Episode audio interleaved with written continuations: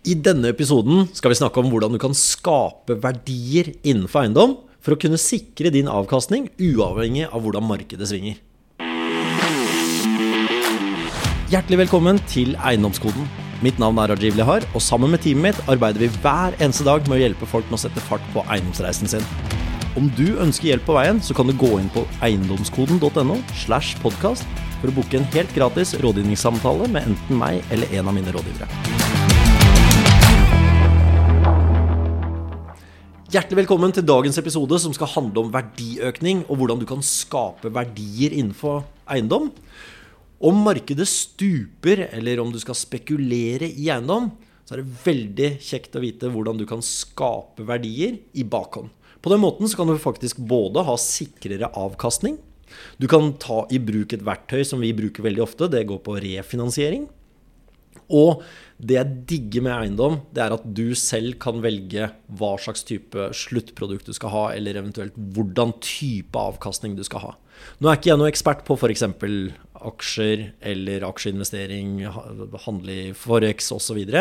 Men det jeg vet, er at jeg kjøper en aksje i dag til en gitt verdi, og så kan jeg selge den igjen til en gitt verdi det markedet har lyst til å gi.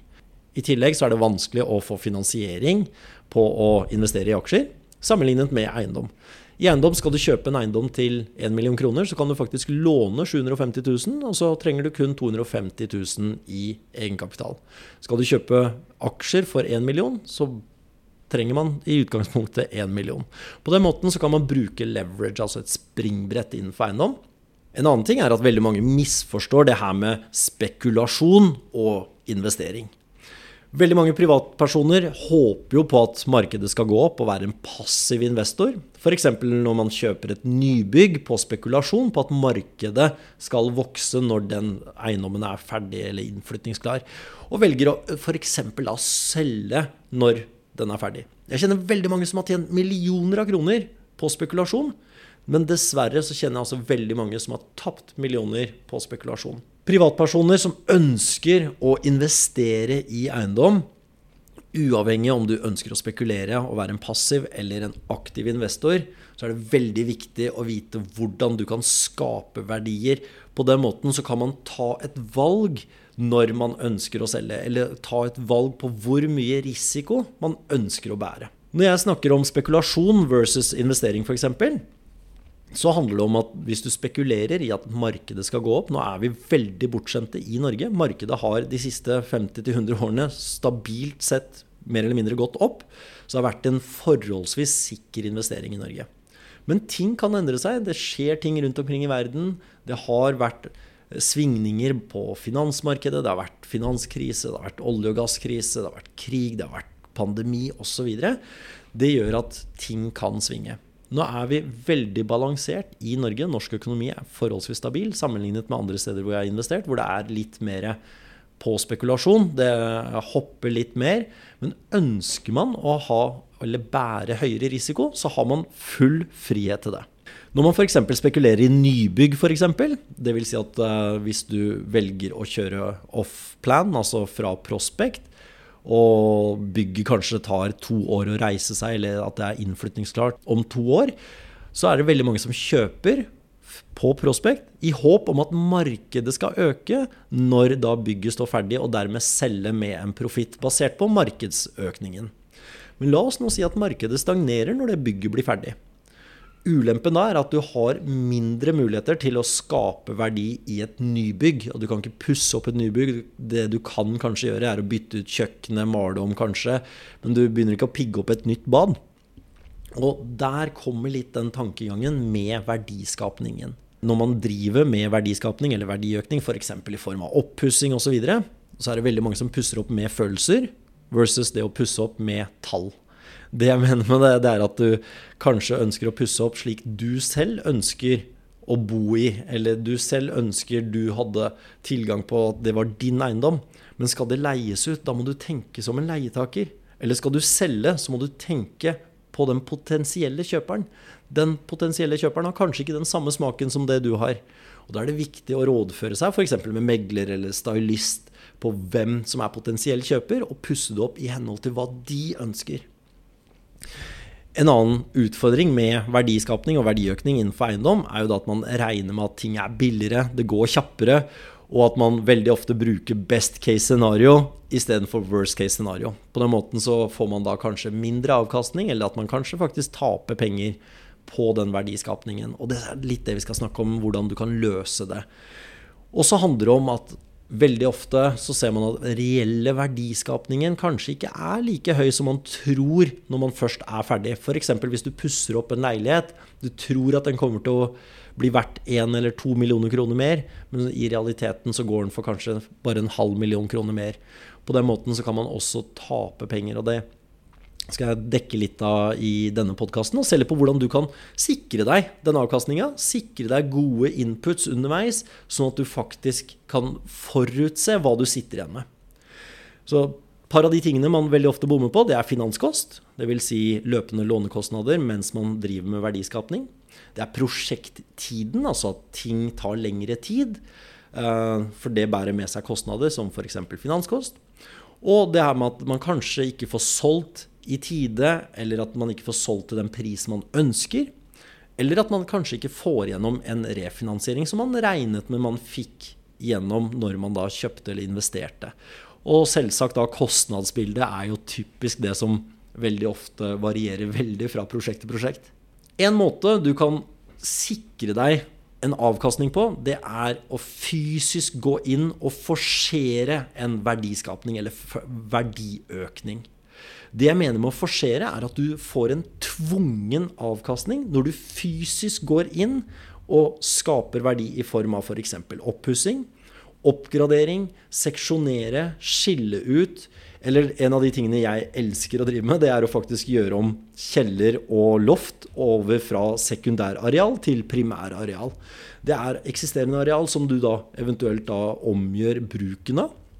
På den måten så har du tvunget verdiøkningen eller verdiskapningen.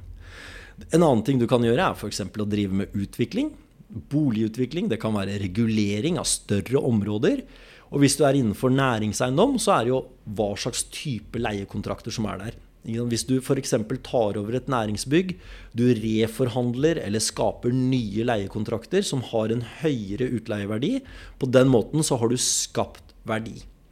Hvis man har fokus på verdiskapning og verdiøkning, så vil du måtte være mer kreativ enn å bare være passiv. Det andre er at du er nødt til å se etter gode objekter. Det koster litt mer, både i form av innsats, i form av vilje, i form av kreativitet, og i form av at du kanskje må brette opp armene. Du må analysere kanskje flere eiendomstransaksjoner. Men de du faktisk gjennomfører, har større sannsynlighet for å lykkes enn om du bare er passiv. En annen ting er at du er nødt til å regne ut best case scenario. Det er kjekt og fint, men du er nødt til å regne ut hva er det verst tenkelige scenarioet. Hvis det verst tenkelige scenarioet er noe du kan leve med, da går du videre. Veldig ofte så ser man at man investerer med følelser istedenfor tall. Ikke pynt på tallene. Igjen, vit hvorfor du skal drive med eiendom. Hvis det bare er å gjennomføre en transaksjon, og du går i tap, så er det kanskje bedre å trekke seg litt tilbake og vente til den transaksjonen kommer som du faktisk kan skape verdi med. Verdiskapningen vil også være med på å redusere din økonomiske risiko eller eksponering. Så hvis du f.eks. kjøper et nybygg, kommer ut for salg, du får ikke solgt det for det du antok da du kjøpte den, så har du heller ikke så veldig mange valgmuligheter på hva du kan gjøre. Du kan ikke nødvendigvis pusse opp, eller kanskje du kan endre noe på planløsning, bytte ut et kjøkken og likevel på en måte tvinge noe verdiskapning. Men om du f.eks. har plan A, det er å selge, plan B er å leie ut, og du ser at leieinntektene dekker kostnadene på at du kan sitte og beholde den eiendommen si kanskje ett år eller to år, da er det plutselig en investering igjen. For da har du sett på ulike utfall. Og så handler det jo selvsagt om hva slags type risiko du er villig til å bære. Hvis du er villig til å bære høyere risiko, ja, da kan det være langt flere transaksjoner som er tilgjengelige for deg, enn f.eks. jeg. Jeg er veldig risikoavers. Jeg liker ikke å tape penger, og jeg liker ikke å ta på meg veldig stor risiko. Mest fordi at jeg veldig ofte låner pengene til å gjennomføre transaksjonene. Og da har jeg plutselig et ansvar overfor långiver. På den måten så har jeg også lavere terskel for når det, kom, når det kommer til risiko. Så er du villig til å ta mer risiko, så hører veldig ofte avkastningen med på den risikobiten. Jo høyere avkastning, jo høyere risiko, vice versa. Jeg kommer fra kår hvor jeg ikke hadde råd til å tape. Og, eller ta på meg unødvendig risiko. Det har kanskje formet meg som investor opp gjennom tida. På at jeg ønsker å sikre meg en avkastning, eller sikre meg gode transaksjoner. Så jeg må kanskje analysere 50 eller 60 transaksjoner før jeg velger å gå for en. Nettopp fordi at jeg vil vite at den transaksjonen kan gjennomføres, og at den har en mer eller mindre sikker avkastning. Mens andre som jeg har jobba med tidligere, har en, et annet risikobilde. De har tilgang på flere transaksjoner, for de er villige til å ta en høyere risiko. Og dermed kanskje også sitte igjen med høyere avkastning, men da vel vitende om at det kan gå også andre veien. Så her er ting du er nødt til å vurdere opp mot din investeringsstrategi og i forhold til din risikoappetitt. En annen ting som er veldig viktig når man ser på verdiøkning, det er jo f.eks. hva du kan tilføre eiendommen i verdi i form av enten f.eks. oppussing, oppgradering, seksjonering, omgjøre sekundærareal til primærareal, reforhandle leiekontrakter, områdeutvikling, rammetillatelse, eller igangsettingstillatelse på en utvikling, utviklingstomt, eller om du ønsker å drive kun med reguleringer. Jeg kjenner et par kamerater av meg. De er to ansatte i firmaet og driver med eiendomstransaksjoner til godt over en halv milliard i året. Det er kun to stykker, og de driver kun med papirarbeid. De elsker det de driver med, og de gjør det med et lidenskap som gjør at de virkelig lykkes. Men de ønsker ikke å drive med utvikling. Så det de gjør, er å de får på plass reguleringsplaner, og så selger de det videre til en utvikler. En utvikler kan kanskje være en som bare tar tak i reguleringsplanen, gjennomfører rammetillatelsen, men heller ikke ønsker å ta f.eks. i selve utviklingen, og selger det videre da til en annen utvikler som faktisk kan gjennomføre. Så her er det så utrolig gøy at man kan velge å vrake hvor i den prosessen man ønsker å være selv, som en eiendomsinvestor. Og jeg startet med utleie av helt vanlige småleiligheter, hus, bokollektiv. Men nå i de senere årene så syns jeg eiendomsutvikling er mye mer spennende. Fordi at der må jeg være kreativ for å finne gode løsninger. Og verdiskapning handler om kreativitet. Og her er det også veldig viktig at du har gode sparringspartnere rundt deg som enten har gjort det før, eller som kan veilede deg riktig. Altså, et av de største utfordringene jeg har hatt der, sånn, er jo at jeg har spurt enten feil spørsmål eller feil person om råd. Så vær veldig på vakt med hva du spør, og hvem du spør. Har de gjennomført en transaksjon på samme måte som du har tenkt å gjennomføre? Og kan de rådene virkelig omsettes i virkelig action? Det er ett av tingene. Og det andre er Lær av de som har gjort det før deg. Unngå å gjøre de feilene andre har gjort før deg. Prøv å få den raskeste veien til mål ved å lære av andres feil. Vær gjerne villig til å betale for den kunnskapen og erfaringen andre har bygget opp. Jeg husker når jeg startet, så var jeg, jeg var og banka på så mange dører og spurte så mange utviklere om hjelp og råd og tips og triks. På den tida så var de fleste litt sånn med janteloven-holdning og ikke ville dele med seg, for de så på meg som en konkurrent. Selv om jeg var student, ikke, eide ikke nåla i veggen. Men de så at jeg var veldig sulten på å nå målene mine. Det jeg elsker med eiendom, er at markedet er så gigantisk stort at det er plass til alle og ikke minst spesielt seriøse. Hvis du er seriøs, ønsker å satse, ta til deg kunnskapen, vær villig til å kanskje dele litt ekstra, eller betale litt ekstra i starten, for å kunne bygge deg opp den kunnskapen og erfaringen. Det er et av de beste lærepunktene jeg hadde i livet. Det var noe mentoren min sa. vet du hva? Gi fra deg all avkastning, ikke ta noe kutt, men gjennomfør den transaksjonen med mennesker du ser opp til for å bare være en del av deres nettverk, bare for å være del av deres uh, kompetanse- eller erfaringsnettverk. Og det har åpnet opp så mange dører bare fordi at jeg var villig til å gi fra meg den avkastningen og bare kom inn med verdiskapning i form av at jeg bare tilbød meg gratis hjelp i det prosjektet. Så et par av de stedene hvor jeg har kanskje gjort det aller, aller best, er hvor jeg har vært villig til å faktisk bare være bidragsyter uten å tenke på hva jeg sitter igjen med i andre enden. Det andre er jo da at eh, når man driver med verdiøkning, hvis, hvis du driver og pusser opp, eller hvis du driver med, med seksjonering etc., det er at du begynner å gå i detaljer. Eh, en av mentorene mine sa det, at eh, Raj, stop being penny rich and money poor. Det betyr slutt å se på ørene, og heller tenk på verdiskapningen. Vær villig til å kanskje gi eller yte det ekstra i starten.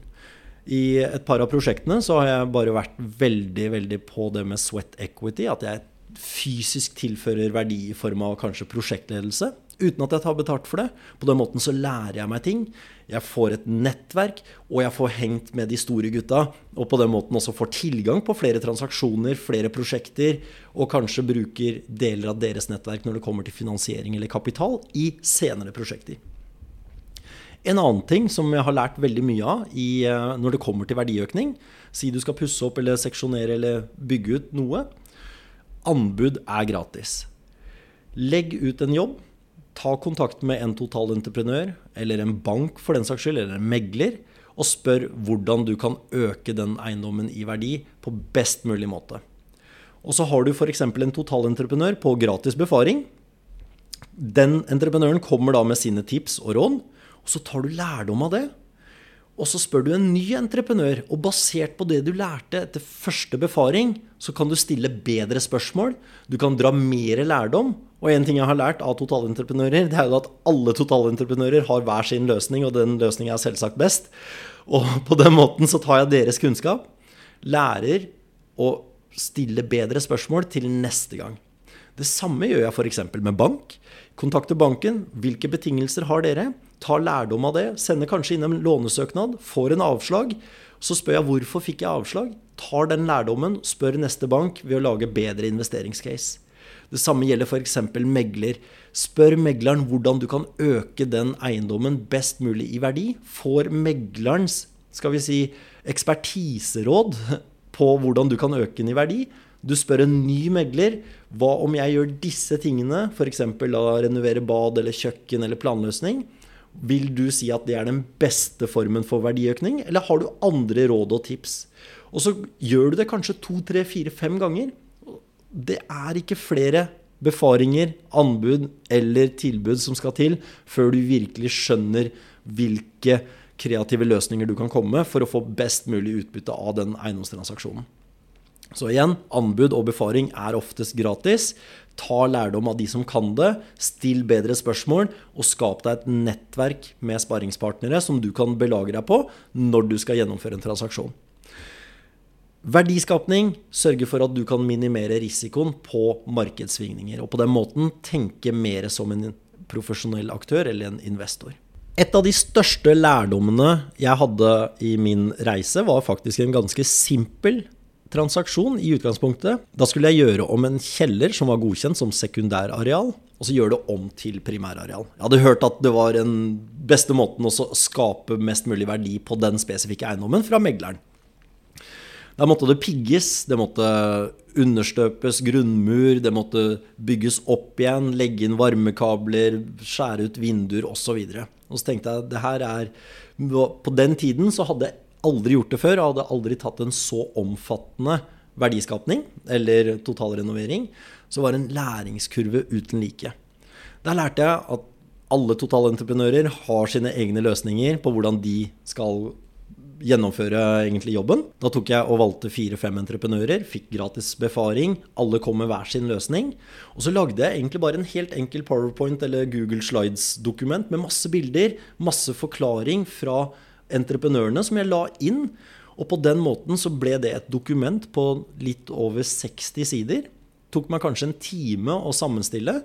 Men når jeg gikk til den femte eller sjette entreprenøren som faktisk gikk, fikk jobben, så kunne han ha en detaljert arbeidsbeskrivelse på hva jobben skulle innebære. Og ikke minst at vi kunne snakke i detaljer på hvordan han skulle gjennomføre. Når vi da valgte å skrive kontrakten, så la vi med denne presentasjonen, med bilder, planløsninger. Og da tok jeg egentlig bare planløsningen som var i salgsoppgaven, tegnet streker i Powerpoint. Helt gratis. Kosta meg ingenting.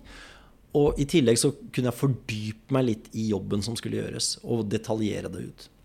Det som skjedde, var jo at vi som alt annet møtte på masse utfordringer underveis.